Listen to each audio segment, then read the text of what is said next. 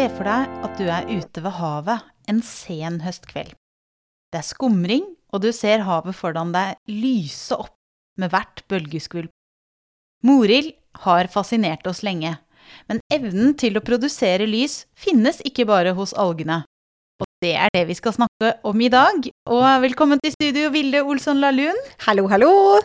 Og så er det meg, da, Elina Melteig, og vi er på'n igjen for å snakke om fenomenet bioluminescens. Bioluminescens. Og det er jo en stor dag i, i Biopodden i dag. Vet du hvorfor det? Nei. For dette er faktisk første gang vi tar inn tips Ja, selvfølgelig. Ja. ja. fra en lytter på tema, og vi syntes det var sykt kult tips og sykt kult tema. Skal vi ta en liten bioluminescensdefinisjon først? Eh, Jeg tenker at bioluminescens, det er en kjemisk prosess som får en levende organisme til å sende ut lys. Jeg er enig. Det var den enkle definisjonen. Ja. Hvis du graver litt i det, og det er det jo mange som sikkert kommer til å gjøre, så vil de oppdage at eh, denne prosessen, så vidt jeg kan forstå, nesten alltid inneholder et protein som heter luciferin, som oksideres av et enzym som heter luciferase. Og at det er det overskuddsenergien fra den prosessen som er, gir ut lys. Altså det er liksom oksideringa av dette luciferinsubstratet som fører til lys som blir gitt ut. Nettopp. Og så bruker jo organismene forskjellige typer luciferaser, eller kanskje for andre proteiner, til å, til å få denne oksideringa til å skje. Og da blir det lyst. Ja, da blir det lyst. Det, men det har jeg skjønt at der er det veldig stor variasjon. Så det å liksom gå inn på den luciferin, luciferase, og ta det med i definisjonen, det kan kanskje bli for spesifikt. Ja. Jeg likte definisjonen du hadde i starten veldig godt, med at liksom det er en kjemisk reaksjon i levende organismer som fører til lys. Mm. Synlig lys som vi kan se med det blotte øyet. Ja. Og det ligger jo litt i navnet. Bioluminescens. Det er sant. For det finnes jo andre luminescenser, sånn som kjemoluminescens og fotoluminescens og fosforescens og i det hele tatt. eh, det er mye, mye å ta av. Det var veldig godt poeng, Ja. Elina. Så, men bioluminescens, det ligger i ordet. Er du veldig gira på ditt første eksempel, er Elina? Sett i gang. For det er denne morilden, da. Å, Dette jeg elsker morild! magiske fenomenet når havet foran deg lyser opp en sen høstkveld. For det er, det er stort sett om høsten det skjer. Og det er stort sett alger, så vidt man vet, eh, som gjør dette her. Eh, og det er helt, helt eh, vanlige alger. Eh, det er en type alger som kalles for enten fureflagellater eller dinoflagellater.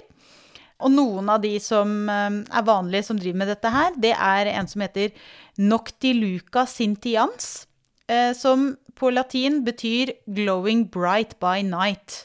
Og det var fint. Det var veldig fint. Og så har du andre som goniaulax og seratium, for eksempel. Så eh, det er, men det er veldig mange alger som driver med det. Jeg tror det er i hvert fall 17 ulike slekter av dinoflagellater. Men for oss er, kaller vi alle de for morild? Ja, det tror jeg nok vi gjør, ja. Ja.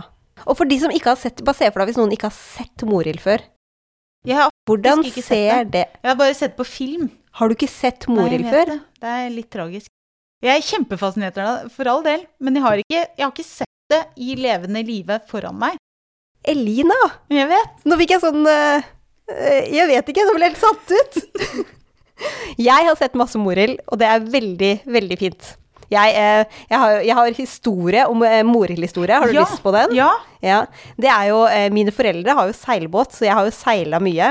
Både høst og vår, hvor det er kaldt. Og det er jo når det er kaldt at jeg føler at morild Man kan se morild. Og da noen ganger når man liksom kjører med båten, så kan du se morilden liksom lyse opp og skvulpe liksom mot båten. Og det er jo veldig gøy. Men da må det jo være ute, og det er jo veldig kaldt.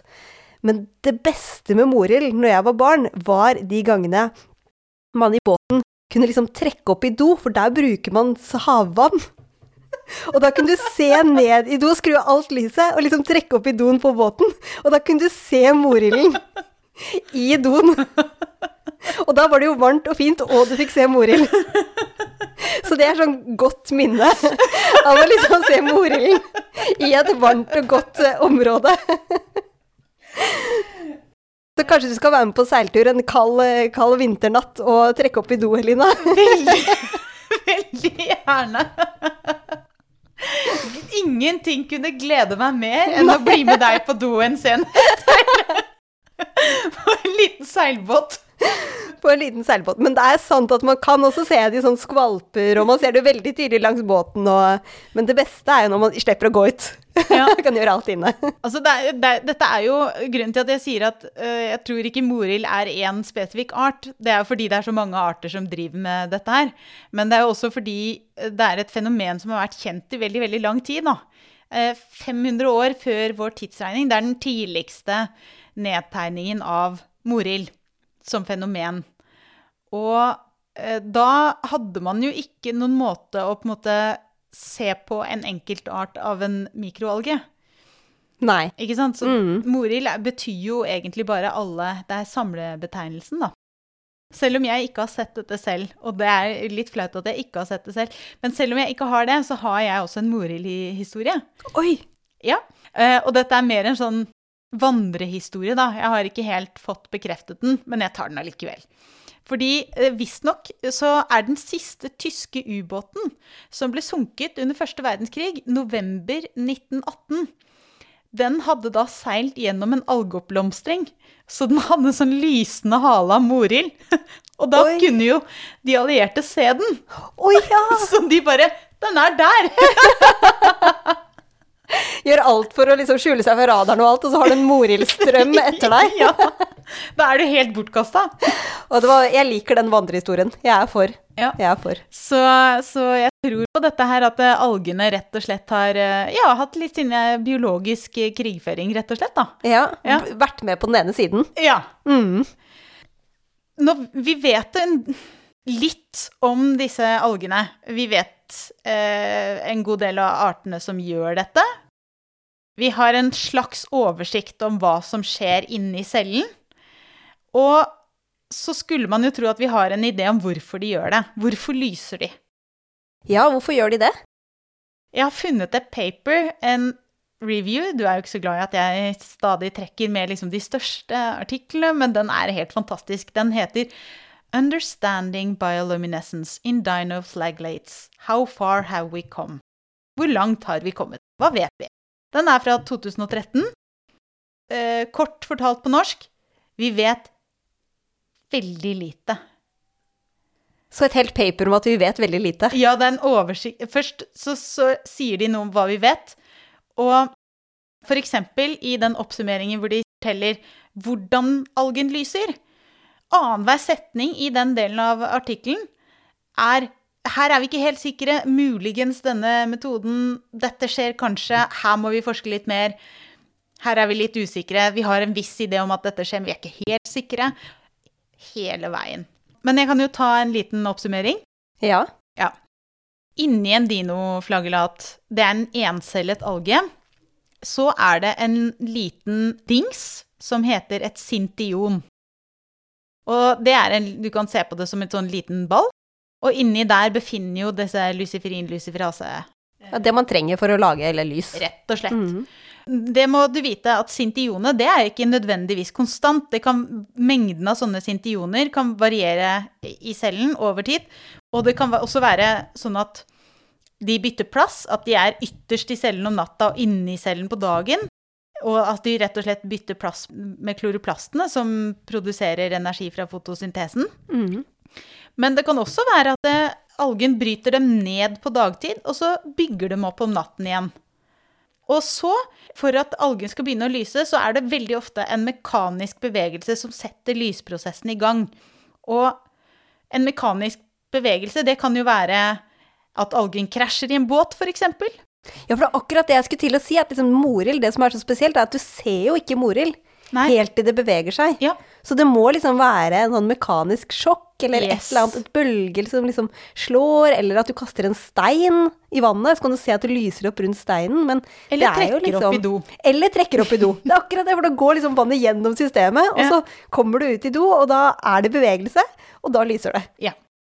Og det som skjer da, den, hypotesen går jo ut på at den mekaniske bevegelsen gjør at dette sintionet da fester seg fast i en liten sånn eh, vakuole, eller sånn eh, ballong, inni cellen. Og inni den ballongen er det syre. Og så eh, Og alle som kan noe om syrer og baser, da vet du at det, det er, da oppstår det en sånn spenning, et potensial. Og da aktiverer du et protein som sitter i den membranen i den vakuolen. Og så her har jeg skrevet i notatene mine her er det ting forskeren ikke vet. På en eller annen måte så frigjøres det kalsiumioner. Og det potensialet eh, som produseres av dette, fører til at protoner fra syren, altså protoner fra inni denne ballongen, overføres til sintionet. Og da reduseres pH-en fra 8 til ca. 6 inni der, og det får luciferin til å oksidere.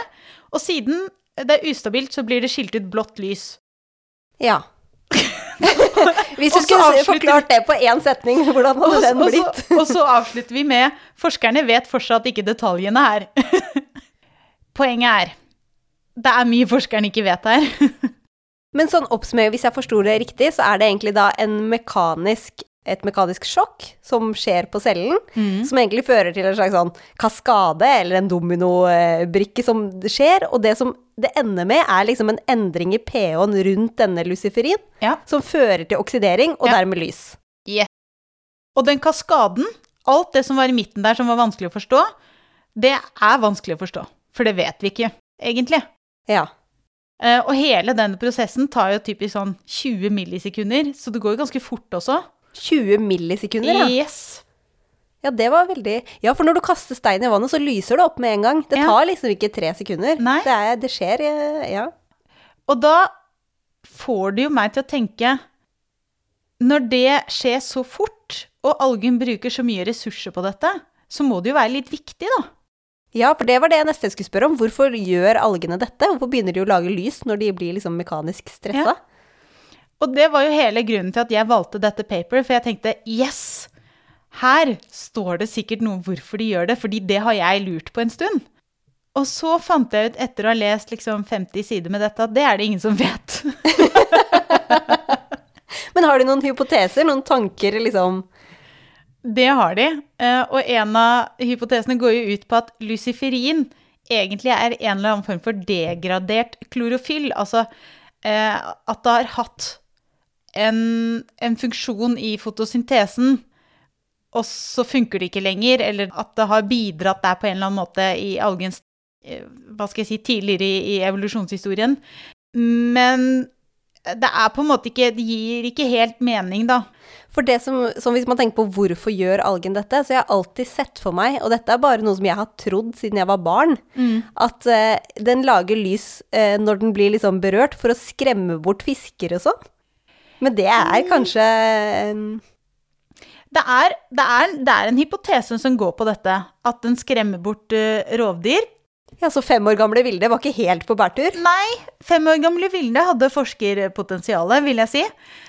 Fordi at det, det er mange av dem som lyser i nærheten av dyreplankton, f.eks., som spiser dem. Og så er det en studie som har vist at eh, intensiteten på lyset var høyere hos uh, goniaulaks hvis færre ble spist av krepsdyrene. Også hvis du flasher blått lys mot dyreplankton, så kan de ha en litt sånn fotofobisk oppførsel.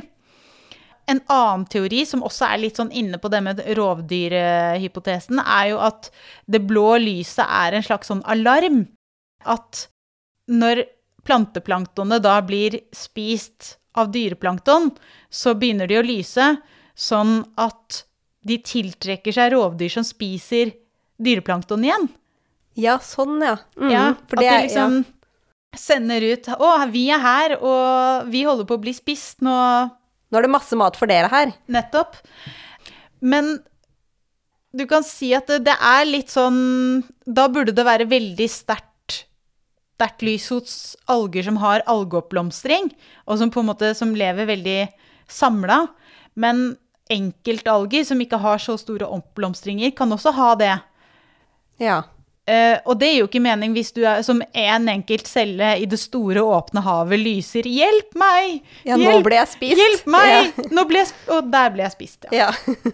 Ikke sant? Det gir jo ikke mening. Så det må være, det må være et eller annet annet eh, som, eh, som gir mening. Er, men det er noen som mener at det er en eller annen sånn metabolsk funksjon her, da. Fordi at de har sett det at algene uttrykker andre gener når de f.eks. får mindre fosfat i vannet de er i. Men man har ikke noe sånn god forklaring på hvorfor det er sånn. Der eh, har forskerne i sin eh, fine review-artikkel satt et spørsmålstegn. Og så er det noen som mener at eh, bioluminescensen eh, på et eller annet tidspunkt i riktig, riktig, riktig gamle dager, før det fantes oksygen på planeten, altså da snakker vi to milliarder år siden eller noe sånt nå, da fotosyntesen ble utviklet, at de organismene som overlevde den, at de brukte det, eh, dette eller en lignende form for system som beskyttelse mot oksygen.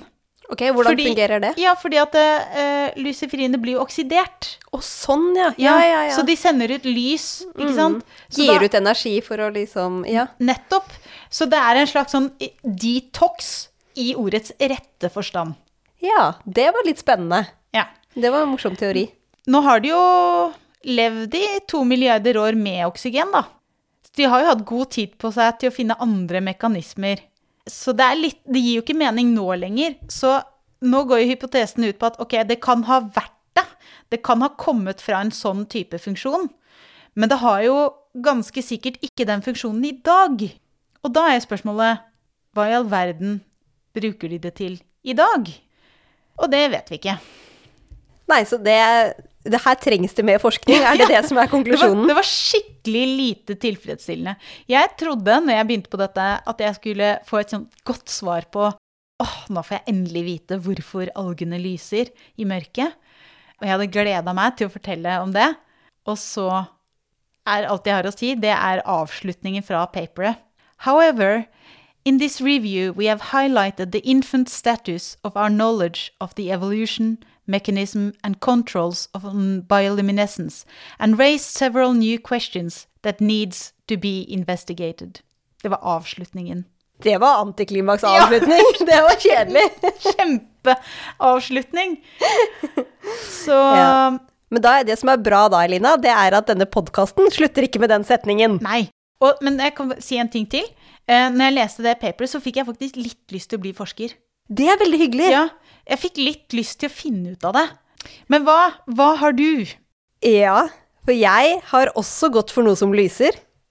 Ja, Det er, Det er jo hele potten, så det er kanskje ikke så rart.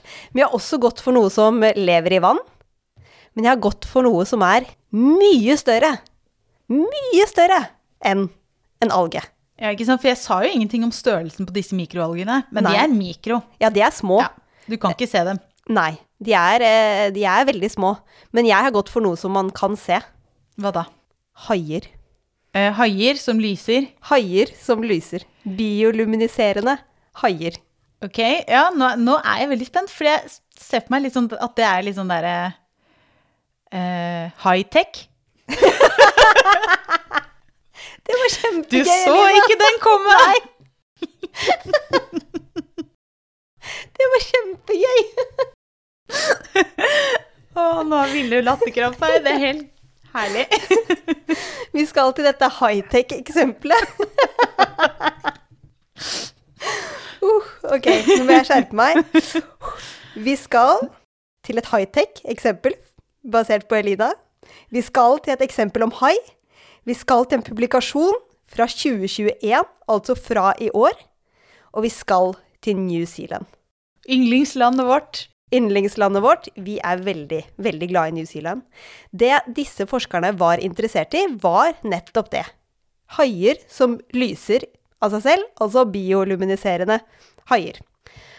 Og det som er med disse haiene, for de hadde jo selvfølgelig noen eh, indikasjoner eller tips om at de fantes, før de begynte å fange de og se på de, så man har liksom visst litt at haier har hatt muligheten til å gi bioluminescens i ganske mange år. Men denne studien bestemte seg liksom for å virkelig se på noen av de artene da, som, som man har tenkt at har denne bioluminescensen. Og de artene de så på, det var to forskjellige lanternehaier. Og de lanternehaiene de er ganske små, ca. 60 cm. Ok, ja, det kan, kan jeg leve med. Det er ikke sånn haisommer... eh. Det er ikke haisommerhaistørrelse, men sånn ca. 6. Så det er ganske små haier. Og de har man visst ganske lenge, at liksom små haier de har bioluminescens. Men det de var mest interessert i i denne studien, var en annen art, som heter Delatis lica. Eller noe som jeg kaller, eller som heter kitefin shark, eller seal shark på engelsk, altså selhai. For den haien kan bli opptil 180 cm lang. Ja, det er litt mer eh, størrelse på den. Da begynner vi med litt mer størrelse på leng. Og hvis disse finner ut at denne haien har bioluminescens, så er det verdens største vertebrat som har bioluminescens. Det er ganske kult. Så det var det de var interessert i å finne ut av. Og det de var eh, eh, Eller det man vet Er det virkelig bare derfor? Er det liksom Noen ganger så får jeg en sånn følelse av at forskere er sånn Jeg vil finne den største, største skapningen som lager lys, og, og så har jeg liksom navnet mitt på at det var jeg som fant den. Eller at det er litt sånn konkurranse, på en måte. Jeg hadde gjetta på at det var konkurranse, Ja. men eh, også at det er veldig gøy, da. Å få en svær hai som lyser. For all del. Eh, Jeg, jeg er helt med på det. Ja. Så det er eh, Ja, det er gøy. Men det som er felles da for disse, disse haiene, alle de som man vet om lyser, og som også er for denne selhaien, det er at de lever i det som heter twilight-sonen i havet. Eller liksom skumringssonen, som jeg har oversatt det til. Og det er fra ca. 200 til 1000 meter. Og det er akkurat de, liksom, den dybden hvor det ikke kommer nok lys til at alger og sånn kan gjøre fotosyntese. Så det er ikke noe fotosyntese under 200 meter. Men det kommer fortsatt bitte, bitte, bitte, bitte litt lys igjennom. Så fisker og haier og sånn, de, eh, de har veldig ofte liksom utvikla en måte å, å se på, f.eks. med sånn svære, svære øyne, for å fange mest mulig lys.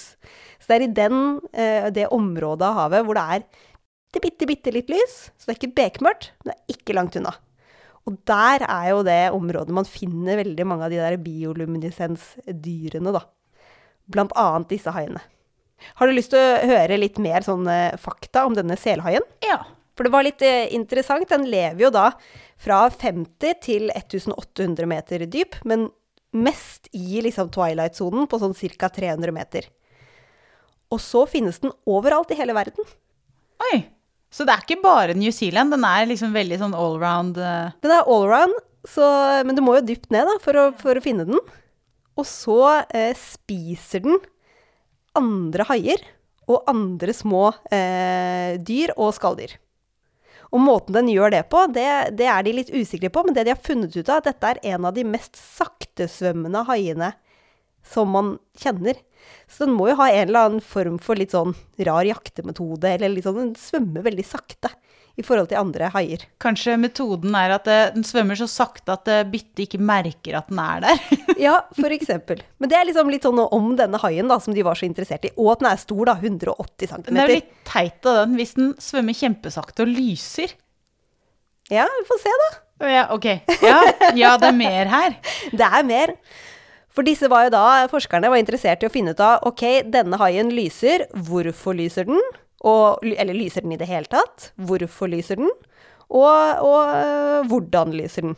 Og så skulle de sammenligne denne øh, selhaien med de to lanternehaiene som man liksom vet lyser fra før av. Så det de gjorde, de dro ut utenfor østkysten i New Zealand, stor båt, fanga hai. De fanga hele 37 sånne selhaier. Oi. Det er ganske mange. Fanga 304 og 280, altså 300 hver nesten, av de to andre haiene. Så det var mye hai da, som de klarte å fange på disse ekspedisjonene. Eh, De tok ikke vare på alle, de tok vare på sånn mellom fem og ti til studien. Men det de da gjorde, var at de tok disse haiene, og så putta de haiene i en mørk tank med kaldt sjøvann, som liksom er likt sjøvann som haiene er vant til å være i. Og så tok de bilder av haiene. For da tror jo haiene fortsatt at de er i, i sjøvann, eh, og vil da liksom se ut og lyse sånn som de gjør i havet nede. I tillegg så tok de vevsprøver på forskjellige steder på haien. For de var jo også interessert i å finne ut av liksom, hvordan ser disse eh, cellene ut, og disse vevstingene hvor, som får haien til å lyse. Så fra haiene så tok de eh, vevsprøver på mage, rygg og på forskjellige finner, som bukfinnen og ryggfinnen, halefinnen. De tok liksom mange, mange forskjellige steder på haien, så tok de vevsprøver og analyserte dem. Og så slapp de jo ut de aller fleste haiene igjen, selvfølgelig, for de skulle bare ta bilde av dem. Og hva fant de ut av? Nei, det må jo du fortelle meg. Jeg, jeg, jeg er spent. Jeg kjenner at jeg er litt sånn nysgjerrig på På haien? Ja. Jeg liker det. Jeg har bygd opp eh, spenningen. ja hvis, det, hvis det er sånn som med mitt forrige paper nå, at det liksom kommer ingenting til slutt, så blir jeg skuffa. Nei, eh, generelt så fant de ut at disse haiene de produserer sånn blågrønt lys. Så det er eh, 450-480 nanometer. Det er ganske vanlig. Det er liksom det som er ofte bioluminescenslyset. Og så fant de ut at disse eh, lyset det kommer fra eh, forskjellige, eller sånn helt spesifikke strukturer i hudlaget på haiene, som de har kalt for fotoporer. Og disse po- fotoporene de består egentlig av litt sånn koppformede pigmenter. Og så inni der så er det de cellene, så inni liksom en kopp på en måte, så ligger de cellene som lager lys. Og overalt så er det noen celler som fungerer litt som en linse. Så det er liksom en fotocelle, eller fotopofore, da, pore, som de kaller her, som består av alle de komponentene med en slags linse over, og den til sammen gir liksom lys. Så den sender ut som nesten en lommelykt, da. Ja, kanskje. Det kan man si. Men det de i hvert fall kunne gjøre, var at når de fant ut at oi, det er en så spesifikk struktur som, som er opphavet til lyset, så var det veldig lett for dem på disse vevsprøvene å f.eks. telle hvor mange sånne fotoforer det var på forskjellige steder på haien. Ikke sant? Ja. Så det gjorde liksom at de klarte å, å kvantifisere da, hvor mye lys har denne, eller hvor mye kan denne lage. Så, og, og liksom identifisere eh, strukturen da, som gir ut lyset. Som da er liksom annerledes struktur på, på huden til haien. Og det sitter helt i epidermis og øverste liksom hudlaget til haien. Men, men når den har det, det kan jo ikke være tilfeldig. Det kan ikke være tilfeldig, det tror ikke jeg heller. Sa den noe om det? Det gjorde de. Det første de gjorde, var jo å eh, selvfølgelig analysere disse, men så sa jeg også at de tok noen bilder av haiene i de tankene. Ja. Og det er gøy, for da ser du på bildet at de lyser opp som blåaktig, kjempetydelig. Og det kan du se på alle eh, de forskjellige eh, Det kan du se på alle de forskjellige haiene. Sånn at både den der Ja, jeg måtte vise Elina bildet. Å, det var skikkelig stilig! Så du kan se det, både den der eh, lanternehaiene og eh, selhaiene, så lyser det ordentlig opp eh, blått. Og du, du ser liksom forskjellige strukturer som lyser opp. Og felles for alle de tre haiene, og det man har visst fra før av, er liksom at disse haiene de lyser opp veldig på liksom mage- eller bukregionen. Og det er det en grunn til. Og det er nemlig fordi at når haiene svømmer i disse, eh, dette twilight zone, eller eh, skumringslaget, så er det jo lys ovenifra. Og for da predatorer som ser haiene unnifra, vil jo da se en svart skygge på liksom en lysende overflate. Ja, selvfølgelig. Sånn at for at da ikke det skal bli en svart skygge på en lysende overflate, så har de en lysende buk. Sånn at det, de da går i ett med omgivelsene de, de svømmer. Det er rett og slett eh, kamuflasje mot de, de farlige, store tingene som er under. Ja. Og små tingene, for all del. Ja. Ja, så det, dette er liksom noe av det man kaller for motlys, da, på en måte. At man sørger for at, det, at den skyggende haien ikke, ikke kommer ut. Og det så de også at denne selhaien hadde. Men det de så i tillegg på denne selhaien, det var at den hadde lys på andre steder. Så den hadde også lys på noen av finnene sine, og så hadde den også lys på deler av ryggen. Men det har ikke de andre haiene. Og det gir jo ikke så veldig mening, for da betyr det at de ses veldig ovenifra, ikke sant, for en predator som ser ovenifra og ned. Og så er det jo et annet aspekt med denne selhaien, og det er at den er jo 180 cm stor og har egentlig ingen predatorer. ja. Så det er ingen som egentlig Den har ingen å gjemme seg for. Så i motsetning til de småhaiene som har noen å gjemme seg for, så har ikke denne det. Kanskje den bare leker gjemsel fordi det er gøy? Ja, så hvorfor har denne haien da så mye lys, og hvorfor produserer den så mye lys? Og det er jo eh, Det hadde jo vært gøy å si det, at de er helt sikre på hvorfor. Eh, og de er ikke helt sikre på hvorfor, men de har noen De er kanskje litt sikrere enn algeforskerne. Ja, eller de har en tanke på hvordan dette kan, kan ha noe med haien å gjøre, da. For det som jeg sa i stad, med at denne selhaien svømmer veldig sakte, det er en nøkkel i det forskerne tror, og jeg må si tror, for dette er en spekulasjon de har, men er grunnen til at denne selhaien faktisk lager lys.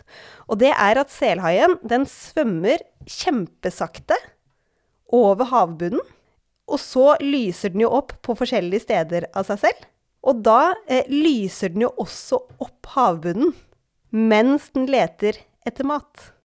Så den er sin egen svømmende lommelykt? Den er sin egen svømmende lommelykt. Det er den ene teorien. Eller at den da, når den svømmer kjempesakte over for å, for å lete etter mat, så kamuflerer den seg selv eh, den, før den skal jakte, da. Sånn at ikke rove- eller byttedyrene deres ser haien. Så den bruker egentlig liksom eh, si, sitt lys, tror forskerne, i å jakte på mat selv, da. Enten ved å kamuflere seg selv, eller ved å faktisk lyse opp mm. de dyrene den skal jakte på. Ja, det gir litt mer mening. Ja. Ja, det var veldig spennende å se også at eh, Det som var spennende, var jo at denne haien da ikke har noen predatorer, som jeg sa. Så den teorien med at den bare kamuflerer seg, var liksom Er ikke den samme for denne haien som for de små. Jeg har uh et eksempel til fra dyphavet. Dyphavseksempel? Eh, ja, eller det er ikke dyphavet. Det er, eh, det er, hvis man tenker dyphavet som er alt under 1000 meter, så er det, det her er ikke dyphavet. Men eh, det er i hvert fall en, en ny sjøart, da. Jeg har også bilde av den. Veldig mange fine bilder. Veldig mange fine bilder. Ser du hva det er for noe? Det ser ut som en klump.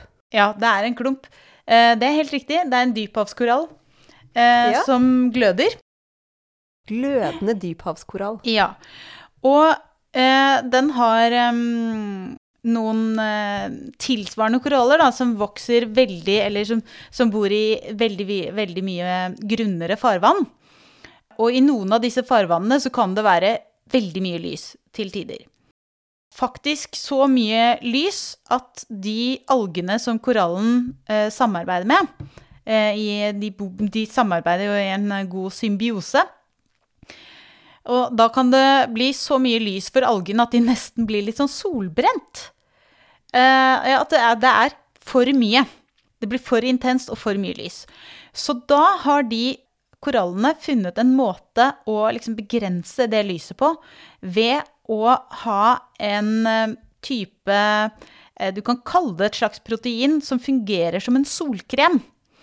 Eh, og det den gjør, er at den tar opp ultrafiolett lys, og så sender den ut overskuddet i form av grønt lys. Og dette er jo egentlig fornuftig, på en måte, fordi at eh, da Dette lyset trenger ikke de algene, for de har mer enn nok lys i grunt vann. Så, i 2015, så fant forskere ut at noen dyptliggende koraller av arten symbiodinium Tror jeg sa det riktig nå de sender også ut lys, og de bor på hele 165 meters dyp, så det er veldig rart. Der behøver man ikke solkrem. Nei. Det gjør man definitivt ikke. Der er det, tvert imot så er det jo sånn at der trenger man jo alt det sollyset som man kan få tak i. Så det at de sender ut lys, er jo litt merkelig. Og det er de du så bilde av, forresten. Ja. Og den sender ut eh, helt andre bølgelengder. Så den første grunn, på grunt vann den sender ut først og fremst grønt lys. Den tar opp UV-lys, og så sender det ut i form av grønt lys, som er mindre skadelig eh, fordi det har lavere energi. Mens denne dypthavskorallen den sender ut bølgelengder som gul, oransje og rød. Og det er jo litt Det er jo noe helt annet. Og Forskerne kunne ikke helt skjønne det. Først så trodde de at dette var en eller annen form for sånne sollys, eh, solkremproteiner. Eh, men det gir jo ikke mening. Men så viste det seg, når de undersøkte dette litt nærmere, at eh, disse korallene bruker et eh, litt annet protein. Som Og så prøver de å optimere det lille lyset de faktisk får. Så det meste av det lyset som kommer ned til 165 meters dyp, det er jo blått eller UV-lys. Det er lys med den høyeste intensiteten. Eh, men det er ikke den bølgelengden som er mest praktisk i eh, fotosyntesen. Så det denne algen da har, det er en slags omvendt solkrem som transformerer det lyset til en bølgelengde som algene i- den eh, lever i symbiose sammen med, kan bruke. Så den liksom konverterer lyset til en lavere bølgelengde, som f.eks. gult eller eh, rødt lys, da. Det er jo kjempespennende. Er det som en slags som oversetter, og oversetter eh, ubrukelig lys til brukelig lys for algene? Yes, det er akkurat det det er. Og da kan den leve så dypt og så langt nede allikevel, selv om de vanligvis ikke bruker blått lys i den fotosyntesen. Og det som er enda kulere, det er jo det at det, forskere prøver å gjøre noe av det samme med solceller. For du har ofte sett solceller som blå. Ja. Det er fordi at det lyset ikke blir brukt. Men det er jo det lyset med mest energi. Ja, Så hvis man klarer å omgjøre det, eller oversette det til et lys man klarer å bruke, så mister man ikke så mye energi. Ikke sant? Så her har vi ting å lære fra dyphavskorallene. Det var veldig spennende. Ja. Men det, Men var- det, var, det var et veldig kort paper. Jeg tenkte jeg skulle liksom kompensere for review. Men et spørsmål. Disse eh, Lyser de da opp eh, grønt og gult, da? Mm. Ja. Nei, ikke grønt. Gult, øh, rødt og oransje. ja. Gult, rødt og oransje. Og det er jo lys som er veldig godt egna å ta opp. Ja. Veldig fascinerende. Det er det. Men jeg syns kanskje vi har vært litt mye under vann. Vi har det. Ja, Skal vi jeg- gå over Skal vi liksom krabbe Dukke opp igjen? Dukke opp igjen, tørke av oss og gå krabbe opp på land? Jeg syns det. Noe aner meg at ditt neste eksempel er eh, litt mer landgående. Ja, det var godt gjetta, Elina. Ja. Det var godt. Er det en plante? Det er ikke en plante. Åh. Vi Det, er- det ville vært så typisk deg hvis det var en plante. Det hadde vært veldig typisk meg, men det er ikke til en plante vi skal. Vi skal til en sopp. Ah, det, er, ja, det, er, det er veldig fristende å si close enough, men jeg vet bedre. Ja, det er ikke close enough. eh, Det er ganske Men det er eh, Fellesnevneren er jo at de lever på land, begge deler. Så vi skal på Og land. der og vi stoppet skal- likhetene. Der stoppet likhetene. Men vi skal da til selvlysende sopp. Og grunnen til at jeg hadde lyst til å ta med dette, er fordi når jeg så bildet av disse soppene, så minte det meg om sånne selvlysende sopper som er i alle mulige sånn TV- og videospill. Som lyser opp omverdenen som når du løper rundt. Sånn avatar, liksom. Ja, sånn avatar. Og det ser akkurat sånn ut, disse soppene. Så da ble jeg så fascinert og tenkte nå må jeg snakke om sopp. Og det er det jeg skal. Herlig. For det har seg sånn at det er ikke så veldig mange sopp som lyser opp. Nei, det har jeg ikke noen sånn sterk formening om, må jeg innrømme. Nei, men det er jo liksom veldig, veldig mange sopp i verden. Og eh, hittil så har de funnet ca. 80 arter som eh, lager bioluminescens, altså som lager lys. Ja. Er det, er det mye eller lite? Jeg har en følelse at det kanskje er sånn akkurat som passe vanlig. Å lage bioluminescens. Ja. Sånn for å, for å gi en liten Jeg vet ikke hvor mange arter sopp det fins, men det fins veldig, veldig, veldig mange mer enn 80. ja. Jo, Og men veldig mange man ikke vet om. Ja, så da kan man kanskje anta at det er eh, relativt uvanlig, da, fordi jeg har noe statistikk her på at eh, 80% av verdens bioluminescens finnes under havets overflate. Ja, det kan jeg tro på. Ja. Nei, det var bare en liten innskytelse. Det liker vi. Det liker vi. Det som er felles med alle sopp som eh, lager lys, bioluminescens, bortsett fra én, men alle de andre, det er at de er i skivesoppordenen. Det er forskjellige eh, soppeordener, og denne skivesoppordenen er jo en av de. Og en orden er jo da en eh, gruppe av mange arter, så mange, mange arter. Og bare i Norge så har vi mer enn 2000 forskjellige skivesopper som vi vet om. Det jeg vet, er at eh, av de eh, 2000 i Norge, så er det f.eks. ca. 100 av de som er spiselige, så det går an å spise, spise noen av de. Og det er én eh, sopp som er veldig kjent, som er i denne ordenen. Som ikke lyser, men som man kan spise. Har du lyst til å gjette? Sjampinjong. Ja, det var riktig! Det var veldig bra. Det er liksom Jeg måtte tenke meg litt om bare sånn Ja, og det som er veldig spesifikt for denne ordenen, er at hvis du da snur en sjampinjong opp ned og ser under, så ser du at det er liksom skiver, helt sånn eh, spesifikke skiver under soppen. mm. Og hvis du prøver å ødelegge de, så klarer du å ødelegge de. Og det er liksom sånn som man kan gjenkjenne en, en skivesopp, da. Og alle disse soppene som lyser, de er i skivesoppordenen. Men Det er veldig, veldig, veldig mange andre sopp i skivesoppordenen også. Kanskje flere hundre tusen. De vet om mange tusen, men det er veldig mange arter de ikke vet om. Og det som er veldig spesielt, er at det er bare 70-80 av de som lyser.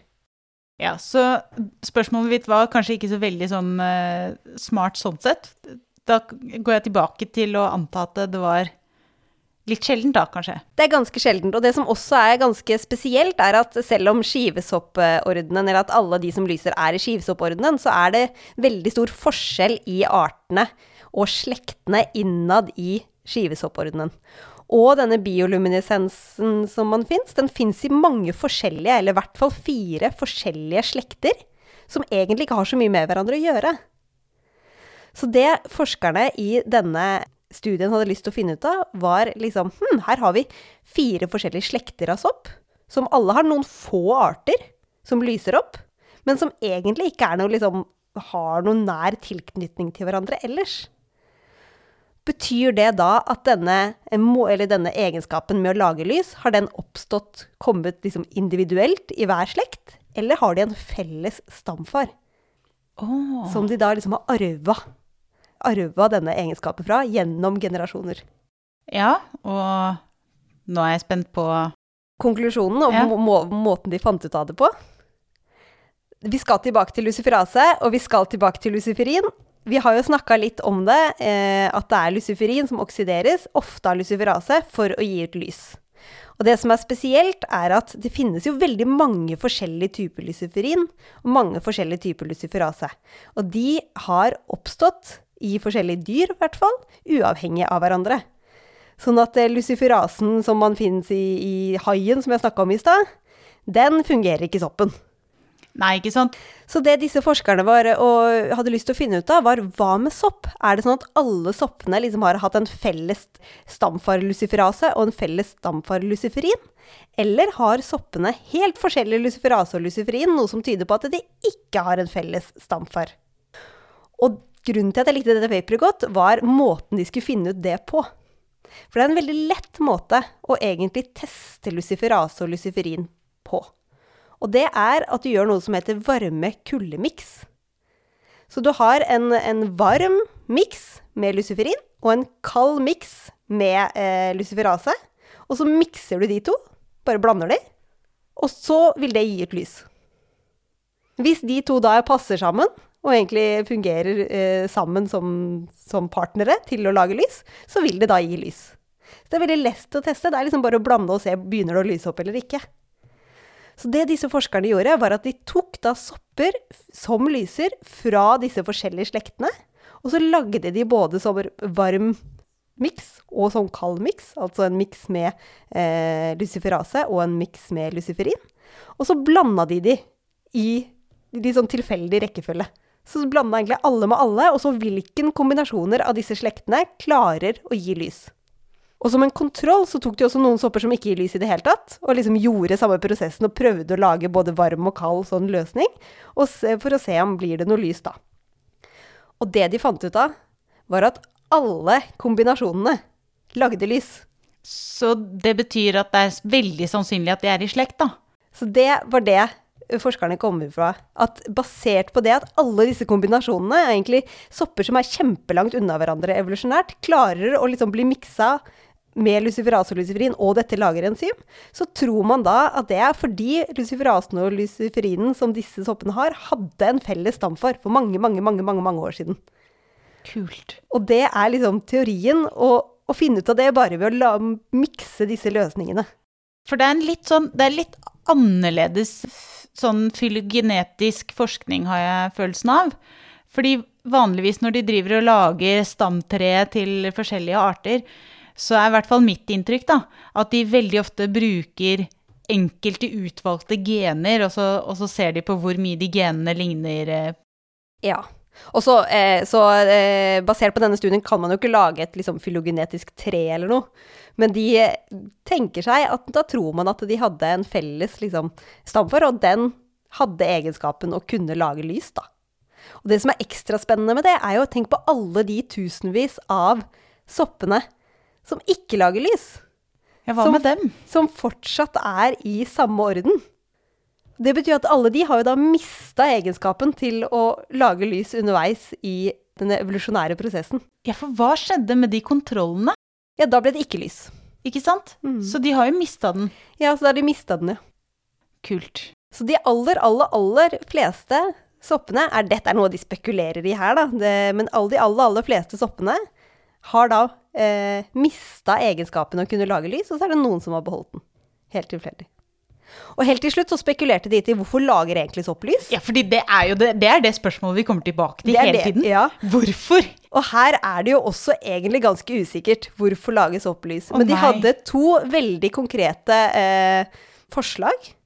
Og det ene var at de sopp lager lys for å tiltrekke seg beitedyr. Fordi når de da blir spist av beitedyr, så spres sporene til soppen. Så det var jo en ganske god eh, teori. Ja, Men hvem vil spise noe som lyser blått, liksom? Eh, det er visstnok noen dyr da som vil det. Ja, ja, det må jo være det, da. For, men de hadde en annen, en annen teori òg, og der er vi litt inne på det du er inne på nå.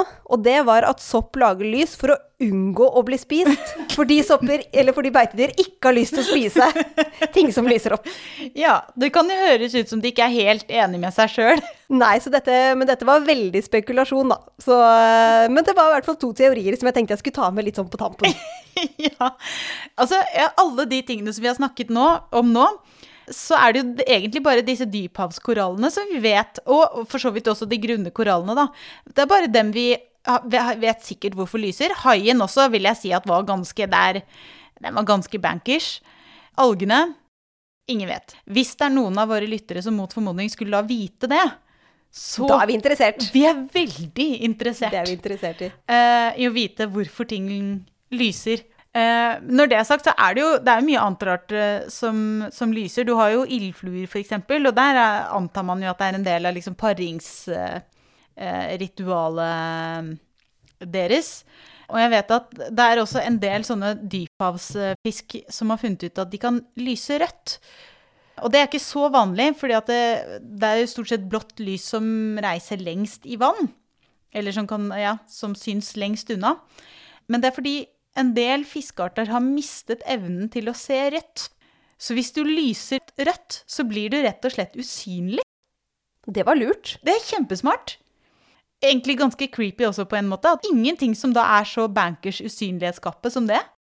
Så det fins Ja. usynlighetskappe. Og den lyser rødt. Det er stilig.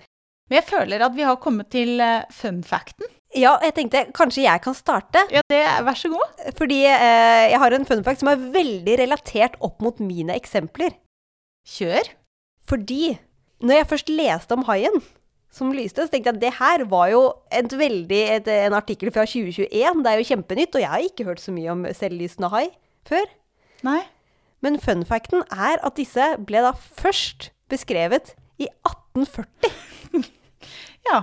Så de er gamle, blitt beskrevet kjempelenge siden. Og det syns jeg jo var ganske fascinerende. Og så kom jeg til soppen, som jeg tenkte jo, det har man kanskje visst om en liten stund, men ikke, ikke så lenge.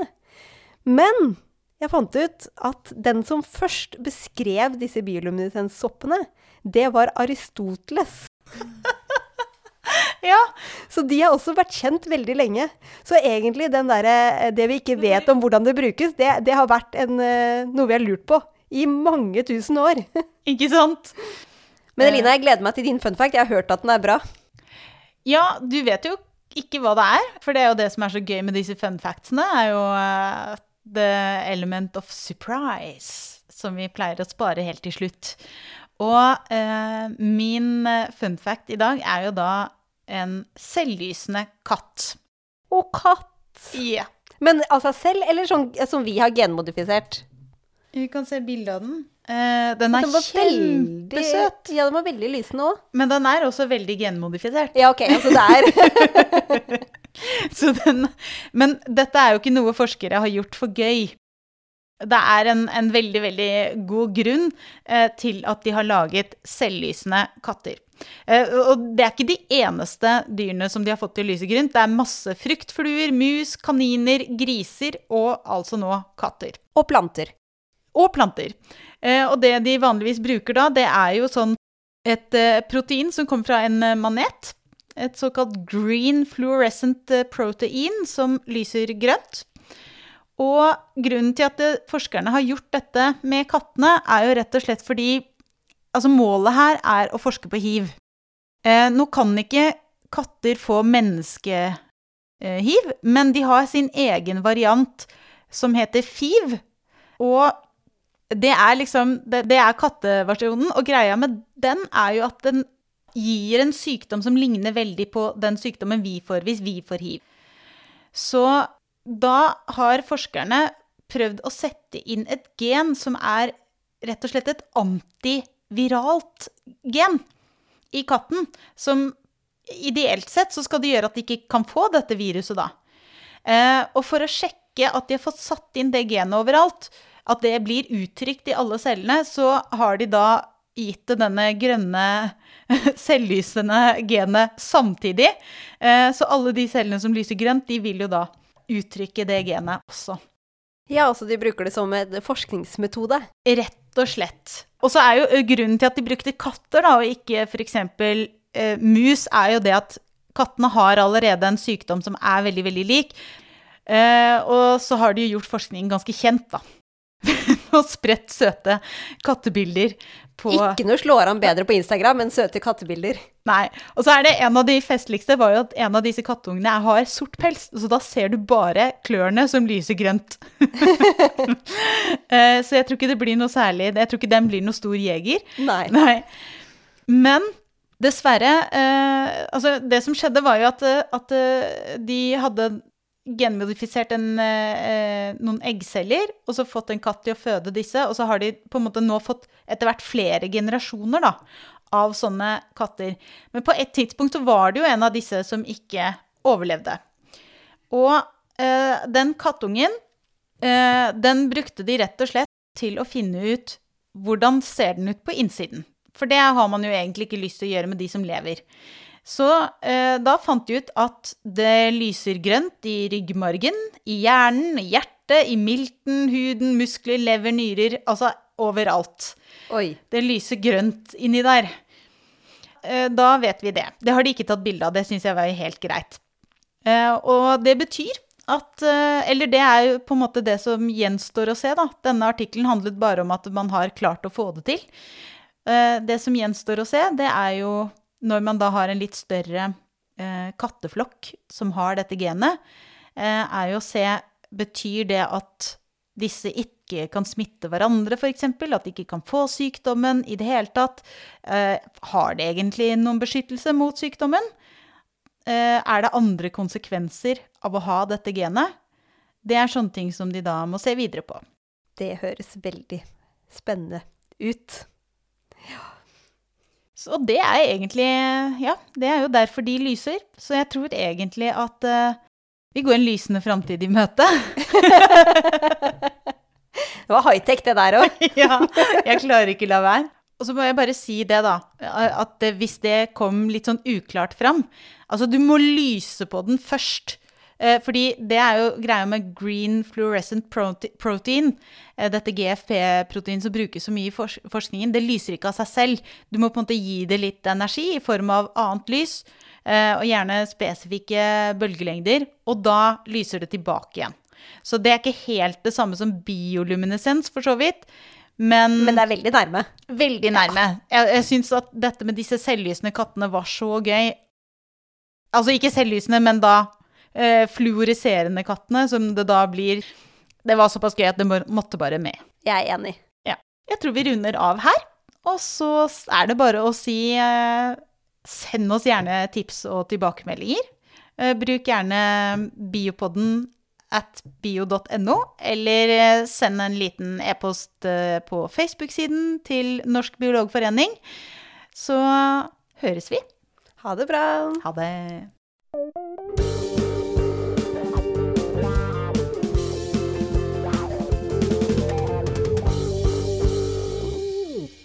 Har nå hørt Biopodden med Vilde Olsson Lahlun og Elina Melteig.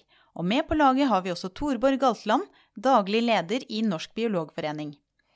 Musikken du hørte, er laget av biologibandet Overgump, som består av Even Sletteng Garvang, Markus Fjelle, Erik Møller, Mathias Kirkeby og Audun Rugstad. Fortell gjerne om podkasten til venner og kjente, og gi oss tips og tilbakemeldinger på e-posten biopodden alfakrøllbio.no. Og så er du hjertelig velkommen til å støtte oss ved å bli medlem av Norsk biologforening. Vi høres!